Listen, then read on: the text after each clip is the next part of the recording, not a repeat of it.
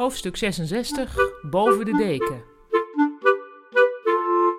Ik heb goed nieuws en ik heb slecht nieuws, zei Ruud. Wat willen jullie eerst? Het slechte nieuws, zei Kavia, terwijl Kim het goede nieuws riep.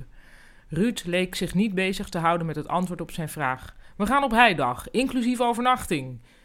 Kavia vroeg zich af of dit het goede of het slechte nieuws was. Alleen, voegde Ruud eraan toe, vanwege de financiële situatie de afgelopen twee, drie jaar is het ietsje minder luxe dan wat je je voorstelt bij een heidag. Kavia was nog nooit op heidag geweest, dus ze vond het moeilijk om er een passend luxe niveau bij te denken. Het is, zei Ruud, en hij leek zich een beetje te schamen, in een Nivronhuis. Oh, van de natuurvrienden, riep Roy, die net de koffiekopjes kwam ophalen. Ik heb daar heel veel herinneringen liggen. Heel veel. Iedereen was even stil om Roy niet aan te moedigen. En wat is de bedoeling van de heidag? probeerde Kavia het gesprek weer op gang te brengen. We gaan met z'n allen wat punten op de horizon zetten. We gaan commitment kweken, lessons learned met elkaar doornemen, dat soort dingen, zei Ruud kordaat. Nou, dat gaat anders wel ten koste van het werk, zei Stella.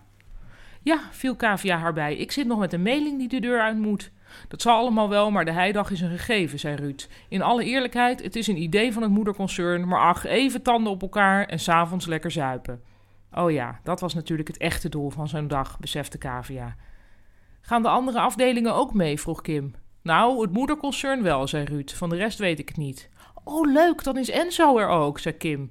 Ja, maar aparte slaapzalen, Kavia, riep Ruud. Pootjes boven de dekens.